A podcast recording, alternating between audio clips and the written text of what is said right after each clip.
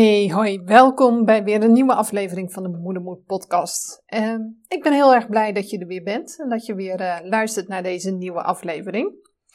Ik heb uh, in deze aflevering eh, nou, weer heel wat om, om met je te delen. Het was ook alweer even geleden dat ik een, een aflevering heb gemaakt. Dus nou, ik neem je heel kort even mee in wat er in de tussentijd allemaal is gebeurd. En terwijl ik deze podcast opneem, ga ik lekker even rondwandelen. dat vind ik altijd wel wat, uh, wat makkelijker praten in plaats van dat ik nou, er uh, stijf voor ga zitten, zeg maar. Um, wat is er in de tussentijd gebeurd? Nou, ik heb de afgelopen maanden heb ik heel erg hard gewerkt aan het schrijven en het maken van een zwangerschapscursus. En niet zomaar een zwangerschapscursus, want eigenlijk zijn er al zwangerschapscursussen genoeg.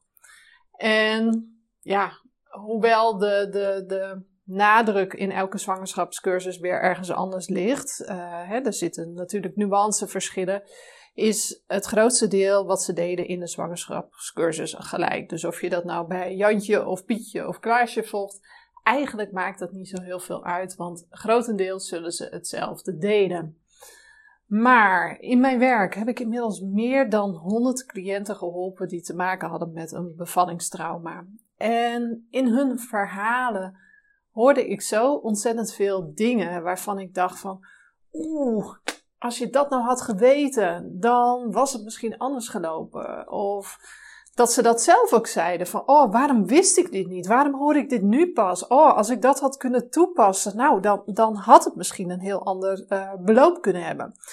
Had, hè? dat is wel heel goed uh, uh, geconstateerd, want ehm, je weet niet zeker dat als je dingen anders had gedaan of toegepast had, uh, dat het dan ook daadwerkelijk anders was gelopen. Dat is natuurlijk altijd uh, de, de vraag, hè? want dat scenario bestaat niet. Maar je had de kans in ieder geval wel groter gemaakt.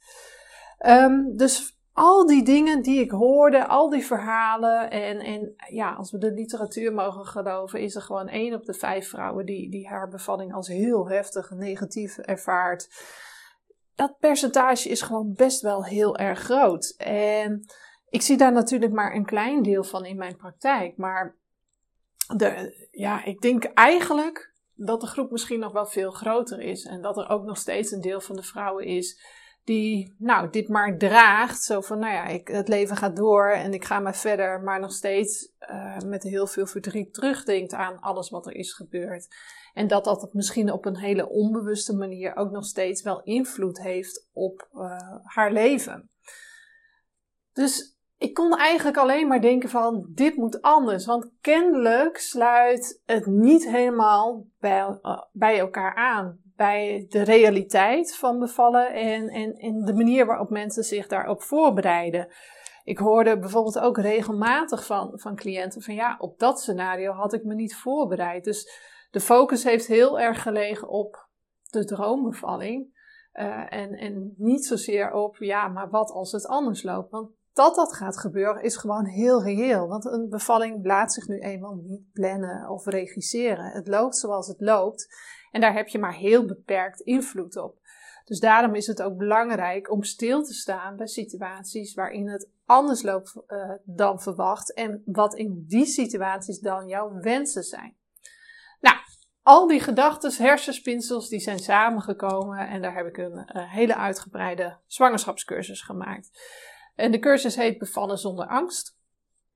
En het gaat dus niet alleen over eh, kennis uh, over de bevalling, want dat wordt vaak gezien als antwoord wanneer je angstig bent voor de bevalling. Maar dat gaat eigenlijk veel verder. Je gaat ook echt actief aan de slag uh, met je angst. Je leert je angst veel beter kennen. Je leert hoe je er grip op kunt krijgen. Dat het eigenlijk een heel mooi proces is van je lichaam. Um, waardoor je ook minder bang wordt voor de angst, zeg maar. Dus je leert het veel beter kennen. En waar het zich ook op richt, is dat je kunt nog zoveel kennis krijgen over hoe je de regie kunt nemen, eh, hoe je, uh, nou, welke wensen, keuzes, opties je allemaal hebt voor de bevalling en een geboorteplan schrijven. Maar alles valt en staat met dat jij de persoon kunt zijn die daar ook letterlijk voor durft te gaan staan. Die met zijn vuist op tafel durft te slaan op het moment ehm, ja, dat je op weerstand stuit. Of dat men zegt van ja, het is leuk wat je allemaal in je plan hebt geschreven, maar dat gaan we niet doen, want dat is niet volgens protocol. Dus dat je daar stevig in kunt blijven staan en voor jezelf op kunt komen van ja, het is mooi dat jullie protocol is, maar dit zijn mijn wensen. Hoe kunnen we bij elkaar komen? Want uh, met een nee neem ik niet genoegen. Dat vraagt een bepaalde stevigheid, een bepaalde zelfverzekerdheid, zonder direct in de emotie te schieten. Dus ook dat stuk mag zich gaan ontwikkelen op het moment dat jij van jezelf weet, ja, ik kan het allemaal wel leuk bedenken en ik heb het allemaal heel goed uh, in mijn hoofd en voor ogen. Alleen als puntje bij paaltje komt, ja, dan durf ik er niet voor te gaan staan. Uh, of ik voel mezelf kleiner worden op het moment dat ik oog in oog sta met uh, een zorgverlener. Daar mag je dan ook als persoon in groeien, zodat je ook datgene wat je allemaal leert en kunt toepassen de, tijdens de bevalling ook durft toe te passen. Nou, dat zit dus ook allemaal in de cursus en nog heel veel meer. Maar dan kan ik alleen wel een podcast gaan uh, vol kletsen met allerlei informatie over de cursus. Um, als je naar mijn website gaat, uh, dan bovenin de menubalk zie je bevallen zonder angst staan. Daar kun je alle informatie vinden over de cursus, ook wat er allemaal in zit.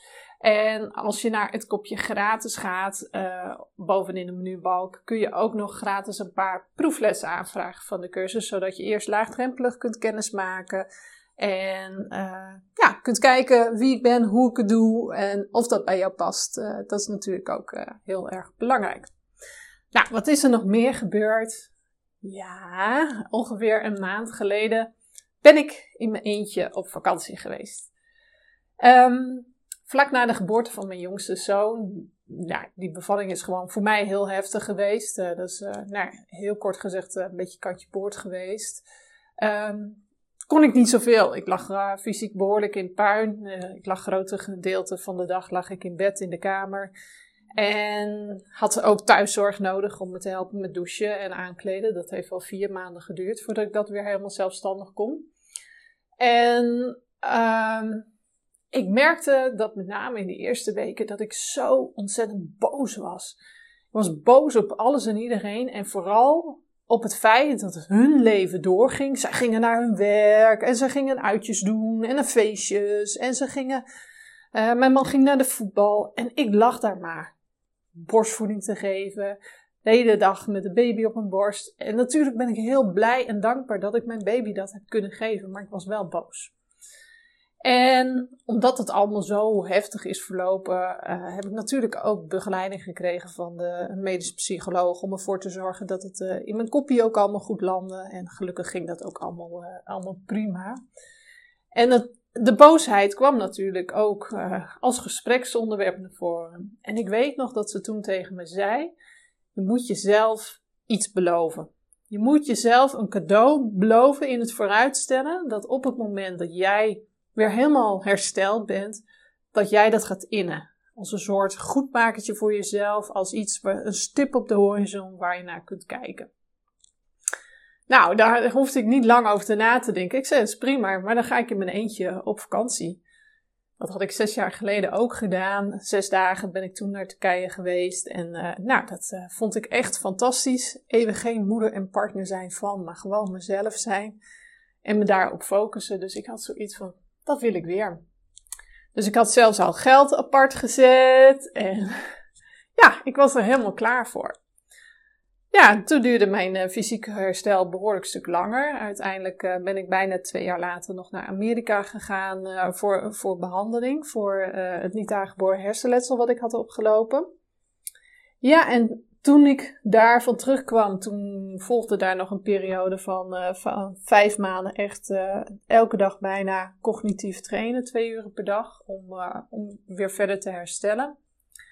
En toen gingen we eigenlijk ook bijna direct de coronaperiode in. Dus reizen was toen sowieso geen optie. Dus dat geld dat bleef er maar staan en het bleef er maar staan. En op een gegeven moment werd reizen natuurlijk wel weer wat mogelijk. Maar dan zat je aan allemaal restricties vast. Vond ik niet een prettig idee. Nou, toen kregen we dat hele geneuzel met al die, uh, al die vaccinaties. En uh, dat mensen die niet gevaccineerd werden op bepaalde punten werden buitengesloten. Nou, daar heb ik uh, heel erg veel moeite mee gehad, want uh, ik was niet gevaccineerd uh, vanwege twee keer longembolieën. Dus ik vond het risico op trombose, omdat ze nog steeds niet weten waarom ik twee keer trombose heb gehad, um, vond ik te groot. En daarom heb ik besloten van, nou, ik doe het gewoon niet. Ik laat mijn lijf het zelf uitzoeken.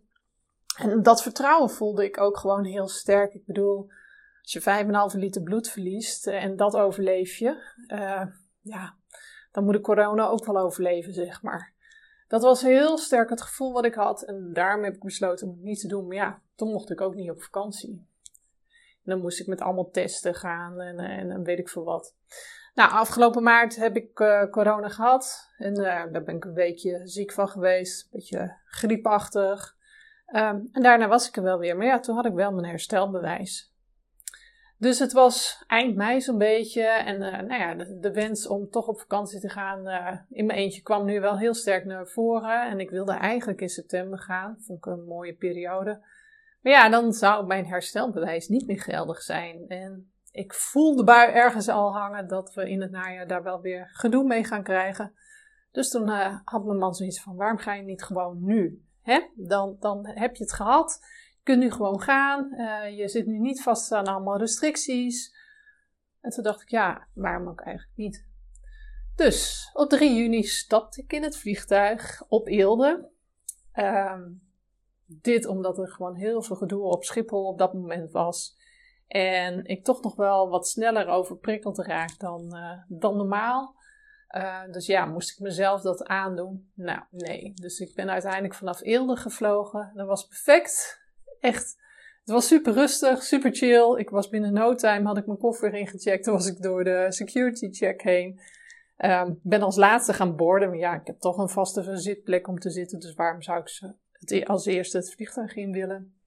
En ik ben die kant op gegaan.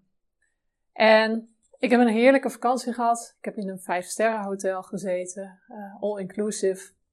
Vlakbij Alanya. Helemaal verzorgd. En uh, ja, dat was heel lekker. Ik ben heel dicht bij mezelf gekomen. Want ja, er was nu gewoon geen afleiding waar je je aandacht op kon focussen. Maar de aandacht lag nu helemaal op mezelf en op mijn binnenwereld natuurlijk. En ja, er kwamen ook wel eens even een paar donkere stukjes voorbij. Waar ik voelde van, hé, hey, daar heb ik nog even iets in te doen in deze vakantie. Maar ook heel veel lichtheid, heel veel ontspanning, heel veel plezier. Nou, het was deze vakantie wel wat extra uitdagend, want ik was deze keer ook nog de enige Nederlander in het hotel. Dus ik heb uh, eigenlijk helemaal geen gesprekken gevoerd ten uh, opzichte van de vorige keer waarin ik uh, dat wel had. Ik heb elke maand tijd in mijn eentje gegeten. Daar ga je heel mindful van eten trouwens. je bent je heel bewust van elke hap die in je mond gaat en ja, je proeft het ook veel meer. En ik denk dat je uiteindelijk daardoor misschien ook wel iets minder eet, omdat je zoveel bewuster doet. Um, ik heb excursies gedaan. Ik heb me heerlijk in de watten laten liggen, leggen uh, met een, eh, een VIP uh, uh, Hammam treatment. Um, ik, ben een, ik, ik had het wilde idee om als excursie een dag naar Istanbul te gaan vliegen en daar door te brengen. Maar ja, ik dacht, als we dan out over de comfortzone zijn, dan maar helemaal. maar ja, goed, Istanbul, dat, dat werd niet echt een optie, want die zat al vol tot 15 juni en dan zou ik er niet meer zijn. Dus ik moest de plekken wat anders gaan verzinnen. En uh, dat vond ik eerst wel een beetje lastig, om dat, dat idee ook weer los te laten. Maar uiteindelijk heb ik gevraagd van, uh, nou, doe dan maar, uh, ik wil paardrijden, kan dat? Ja, dat kon ook, dat kon ik wel even regelen. Dus ik ben uiteindelijk nog een, een ochtend wezen paardrijden in de bergen. Nou, dat was echt heel erg leuk. Uh, ook weer de enige Nederlander natuurlijk. maar wel hele leuke gesprekken gehad. Onder andere met een uh, hele leuke Finse dame. Uh, dus ja, superleuk. Ja, dat is het wel als je alleen op vakantie bent. Het, dwingt je ook om in contact te gaan met de ander en je open te stellen. Um, dus ja, het, je ontwikkelt daarin ook wel weer stukken. Ik ben normaal niet zo. Ik ben best wel een introvert. En, uh, maar als je alleen bent, ja, je moet het alleen doen. Dus je moet je ook openstellen daarvoor.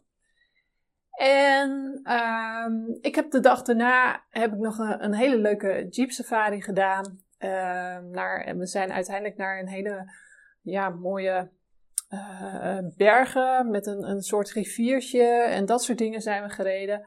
Uh, ja, was, was een soort canyoning. Kon je wandelen, hadden ze een mooi wandelpad doorheen gemaakt. Echt van dat hele heldere, knalblauwe water. Ja, prachtig gewoon. Ik heb echt genoten.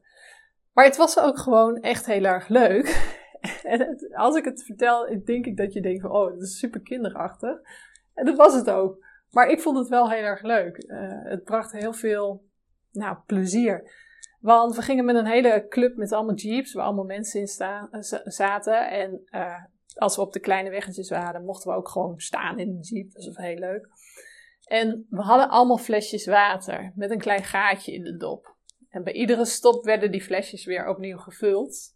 En als je dan een andere jeep passeerde, uh, en wij waren meestal degene die als laatste vertrok, maar die dan weer vooraan ging rijden. Dus wij passeerden alle jeeps, zeg maar. Uh, dan pakte je zo'n flesje en dan ging je elkaar nat spuiten.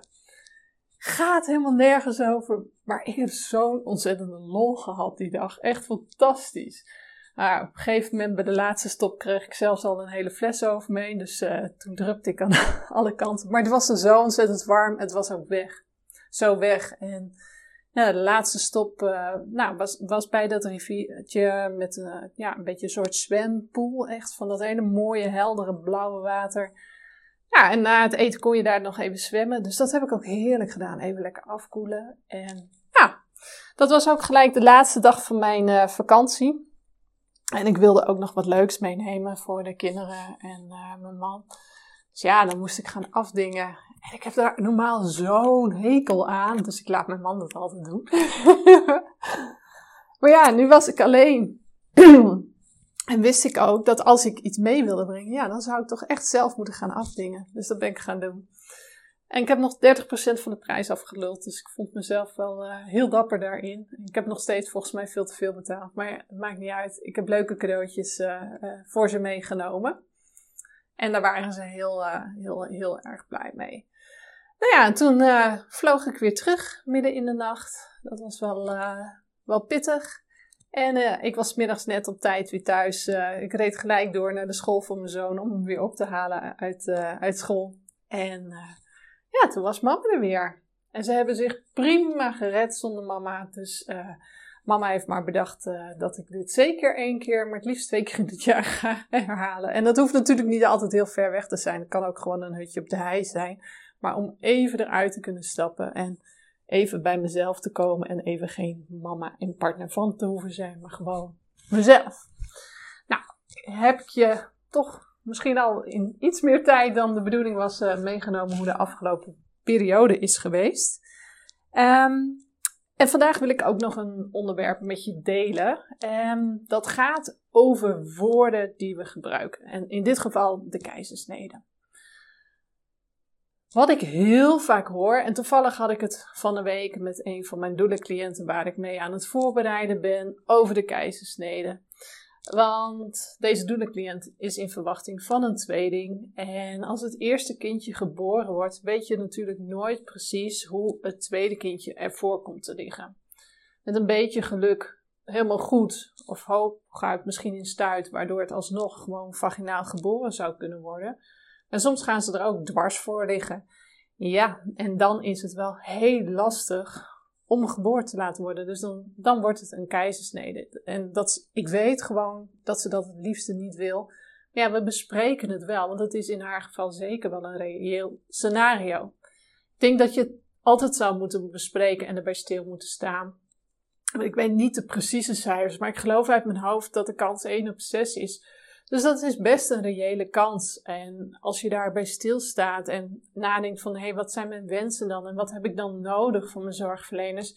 En je legt dat vast in een scenario B, kun je daar altijd op terugvallen als het anders verloopt. En als je daar weet dat je daarop terug kunt vallen, dan zul je daar ook meer rust en ontspanning in ervaren op het moment dat het zover is. Want je weet, ik heb erover nagedacht, ik heb hierbij stilgestaan en uh, nou, we geven het papier met onze wensen en dat komt goed. Maar het gaat mij wel over de woorden keizersnee. Want ik heb natuurlijk heel veel bevallingsverhalen gehoord van mijn uh, traumacliënten. En wat me opvalt, en niet alleen in hun verhalen, maar ook op alle verhalen van social media, is dat er heel vaak gesproken wordt over spoedkeizersneden. En ik weet niet wat dat met jou doet, maar als ik het woord spoedkeizersnede hoor, dan geeft mij dat gelijk al een gevoel van spanning. Van, oh jee, er was iets niet goed, waardoor er alle minuut een keizersnede moest uitgevoerd worden. Hè, het ging misschien niet goed met moeder of met baby of met beide. Uh, dus er was spoed, die baby moest eruit en uh, ja, daarna ging het hopelijk met, met beide een stuk beter. Maar als ik dan vraag, bijvoorbeeld bij mijn cliënt, hey, je gebruikt het woord spoedkeizersnede, was er dan ook sprake van een spoedsituatie? Ben je bijvoorbeeld rennend met bed over de gang gegaan richting de OK? Uh, was het nog maar net tijd om één poging te doen om een ruggenprik te zetten en moest je anders onder narcose? Is, heb jij zo'n scenario meegemaakt? Nou, een klein, heel klein deel van de gevallen is dat zo. Ik heb een deel van mijn cliënten heeft zo'n situatie meegemaakt. Maar een heel groot deel ook niet. Dus dan vind ik het een interessante waarom je het woord spoedkeizersnede gebruikt, terwijl er eigenlijk op dat moment niet zozeer sprake was van een spoedsituatie. Kijk, spoed zou erin kunnen zitten uh, dat jouw keizersnede niet gepland was en dat er met alle spoed iets geregeld moest worden, zodat die keizersnede nou, binnen nu en ik noem maar wel twee uur uitgevoerd zou kunnen worden. Maar is het dan spoed? Ik vind van niet. Ik gebruik zelf liever andere woorden en een andere schaal. En waarom? Omdat het woord spoedkeizersnede ook iets doet met je hele mindset erover. Het, het geeft al zo'n lading mee, negatieve lading, um, dat het ook niet anders kan als een negatief verhaal worden in je hoofd. Dus ik gebruik zelf eigenlijk een andere verdeelschaal, andere woorden, en die zal ik met je delen in deze podcast. Kijk, allereerst hebben we natuurlijk gewoon de geplande keizersnede. En ik heb zelf bij de laatste bevalling een geplande keizersnede gehad, omdat mijn zoon er niet uitkomt, omdat de placenta voor de uitgang lag. Vond ik heel jammer. Maar goed, hè, we, we hebben heel veel metingen gedaan van, goh, gaat die placenta toch nog wat opschuiven doordat de baarmoeder groeit en groter wordt? Maar dat gebeurde niet. En dus een paar weken van tevoren hebben we ook op een gegeven moment de knoop doorgehakt van jongens, dit gaat hem gewoon niet meer worden. Deze verwachting mogen we niet meer hebben. We gaan ons nu focussen op het tweede scenario, namelijk een keizersnede. En hoe kunnen we dat doen zodat het voor jou nog steeds een hele mooie en positieve ervaring wordt? Dat is een geplande keizersnede. Moest me op een bepaald moment melden. Dan word je helemaal voorbereid. En dan ga je op een gegeven moment richting de OK. Het voordeel van een geplande keizersnede is, is dat er over het algemeen heel veel rust is.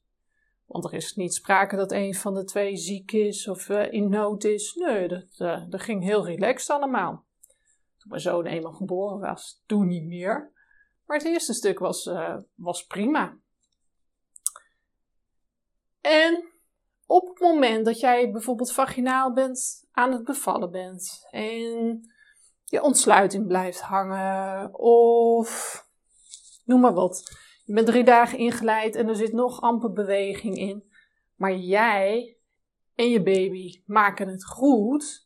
Alleen er wordt wel besloten van nou het is gewoon genoeg geweest nu. We gaan over tot een keizersnede. Dat is geen spoedkeizersnede. Terwijl het wel heel vaak zo genoemd wordt. Dat noem ik veel liever een ongeplande keizersnede. Hij stond niet op de planning, bij jou niet, bij je partner misschien niet en ook bij de zorgverleners niet. Maar jullie hebben samen besloten op dat moment van joh, dit gaat het gewoon niet meer worden. Dus laten we overgaan tot een keizersnede. Dus ik zou je ook willen uitnodigen als dit jouw scenario is. Stel je kindje, het blijkt in één keer in sterrenkijker te liggen. Maar het kindje maakt het verder goed. Hè? De hartslag blijft oké. Ook dan zou ik spreken van een ongeplande keizersnede. En dat geeft je al zo'n ander gevoel mee, een ander, andere mindset ook, dan wanneer je onterecht het woord spoedkeizersnede gebruikt. Maar we zijn nog niet klaar.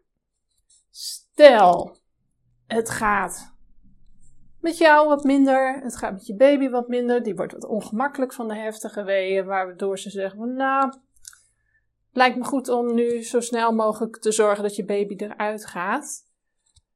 Zolang jij niet direct rennend over de gang gaat en direct onder zeil wordt gebracht, uh, omdat je baby binnen drie minuten bij wijze van spreken geboren moet worden, is nog steeds geen spoed. Maar dan zou ik het semi-spoed noemen. Er is een situatie wat maakt dat het met jou of de baby niet helemaal goed gaat.